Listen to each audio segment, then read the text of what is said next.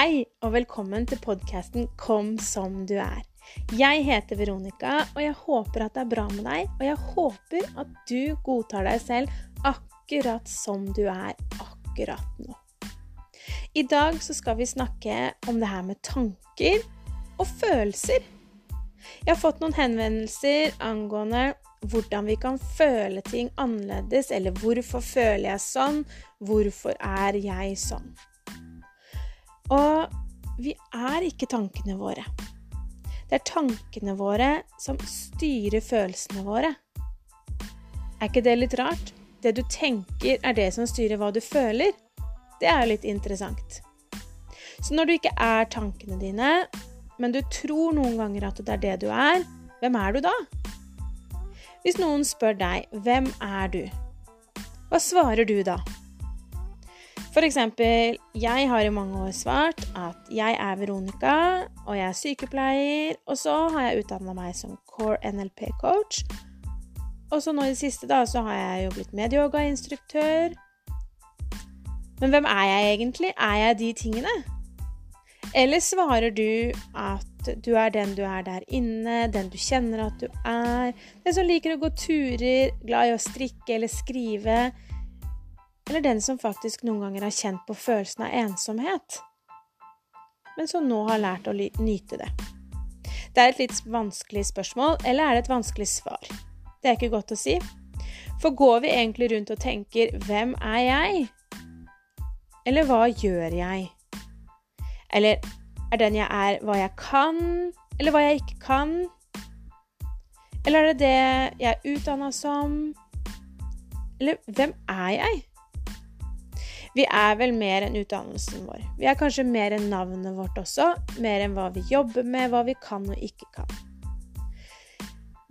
Navnet vårt er jo kanskje noe som bare har blitt tildelt. Noe som skal hjelpe oss med å skille oss mellom mennesker. For du er jo ikke det navnet du har fått.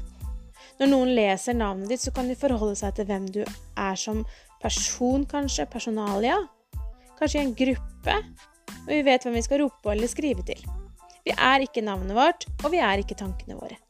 Tankene våre er tillært, det samme som utdanninga vår. Jeg har ofte møtt mennesker som føler seg mindre verdt. De føler seg dumme, dårligere, mindre synlige. De føler seg usikre på om de er gode nok, og de måler seg ofte med andre. For eksempel så var det ei som sa til meg en gang at hun følte seg mindre likt fordi hun hadde mindre følgere på Instagram. Hun følte seg usynlig, at det hun viste fram, ikke var bra nok. Det viste seg etter hvert at det ikke bare gjaldt på Instagram, men også generelt i livet hennes.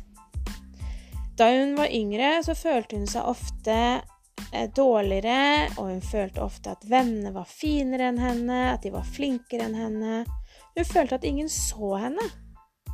I dag har hun mann og to barn, og hun har det fint med det men hun sier at hun ofte blir usikker på om hun har det bra nok, eller om hun er bra nok for mannen sin, om hun er flink nok, pen nok, snill nok. Jeg forteller om dette eh, eksempelet etter en tillatelse fra henne, fordi jeg synes det er et litt fint eksempel, men det er også et sårt eksempel. Et eksempel som faktisk veldig mange kan kjenne seg igjen i. Derfor så spurte jeg henne om jeg fikk lov til å dele det i podkasten, fordi jeg syns at det er godt å dele det med dere. Hun ble veldig glad når jeg spurte henne, fordi hun vet i dag hva det har gitt å gjøre en endring. Hun har sagt at på jobben så føler hun seg ofte redd for å gjøre feil. Hun har følt at hvis hun gjør feil, så vil andre se annerledes på henne. Nå er hun sykemeldt, hun ble sykemeldt fordi hun var så sliten, og hun fikk da diagnosen utbrent. Og det var sånn hun kom i kontakt med meg. Etter noen samtaler så sier hun selv at hun har sett mønsteret, at hun generelt føler seg veldig sliten, eh, men hun har også trykka seg selv ned og følt seg liten. At hun da rett og slett blir sliten av å føle seg liten. Hun har tenkt at hun har vært sliten, og så har hun følt seg liten og at hun ofte tenker nedverdigende ting om seg selv. Ting som hjelper henne med å trykke henne selv ned. Hun sier at det starta allerede på morgenen når hun sto på badet, hvordan hun kritiserte kroppen sin, og sånn fortsatte det utover dagen. Før hun gifta seg, så hadde hun ulike kjærester, men hun hadde det aldri fint, selv om de var veldig snille med henne. Hun sa at hun følte seg mislykka fordi hun ikke bare kunne være takknemlig for det hun hadde. Selvfølelsen synker når en ikke er god med seg selv. Altså, man føler seg jo ikke bra. Og for å få en bedre følelse, så trenger en først å bli bevisst hva det egentlig er som foregår. Og så må en jo gjøre en endring. Det er ikke noe som bare skjer med en gang. En må gjøre en endring i hva en tenker, og hva en sier til seg selv. Og det må gjøres hver dag. Når en ikke er glad i seg selv, ivaretar seg selv, eller faktisk ser sin egen verdi, så er det vanskelig å ta imot fra andre også. Når en forteller seg selv at den er ingenting verdt, så blir jo på en måte ingenting verdt i sin egen verden. Kanskje de andre rundt ser det på en annen måte. Men for henne, i det eksempelet jeg har fortalt om nå, så ville hun ikke føle at det passet for henne før hun faktisk trodde på det selv. Så når hun møtte på de ulike menneskene eller kjærestene, så syntes hun det var vanskelig å ta imot kjærlighet. Og det var fordi hun ikke ga seg selv kjærlighet. Hvordan kunne hun tro at noen var glad i henne og tro på det når hun ikke var glad i seg selv. Det her var ikke noe hun var bevisst da, men hun måtte gjøre noe med det nå. Hun trodde på tankene sine, hun trodde at hun var mindre verdt, og i hennes verden så var hun usynlig. Hun vet i dag noe annet. Hun vet i dag hva hun må gjøre hver dag for å føle seg bra, for å føle seg elska og for å føle seg glad. Ofte søker vi mennesker det vi ønsker oss, fra andre mennesker. Vi søker svar, vi spør, for vi vil at andre bare skal gi oss svaret. Men så får vi det svaret, eller vi får det vi har søkt. Kanskje vi ikke legger merke til det, eller kanskje vi får et svar vi ikke har hatt lyst på. Men vi må jobbe med det i oss selv først. Vi må søke svarene i oss. Det hjelper ikke hva naboen sier eller mannen din svarer når ikke det samsvarer med deg. F.eks. når en ønsker seg en kjæreste, og så møter man den kjæresten. Kanskje han er verdens snilleste. Han varter deg opp, gir deg klemmer, holder rundt deg, lager middag, vasker klær. Han er rett og slett drømmemannen. Men du føler at du savner noe. Du føler deg fremdeles alene, kanskje til og med blir du litt irritert på han. Du blir fortalt av alle andre rundt deg at du burde være fornøyd, og tankene dine også sier jo det men inni deg føles det ikke sånn. Du føler at det kanskje er deg det er noe galt med. Tenker at han må jo tro at det er noe galt med deg. Men hvordan kan du egentlig ta det imot, alt det gode han gir deg? Hvordan kan du egentlig føle de gode tingene når du ikke selv gir deg de gode tingene? Ikke gir deg selv den varme klemmen, bruker tiden med deg selv, gir deg selv de gode tankene som gir deg de gode følelsene.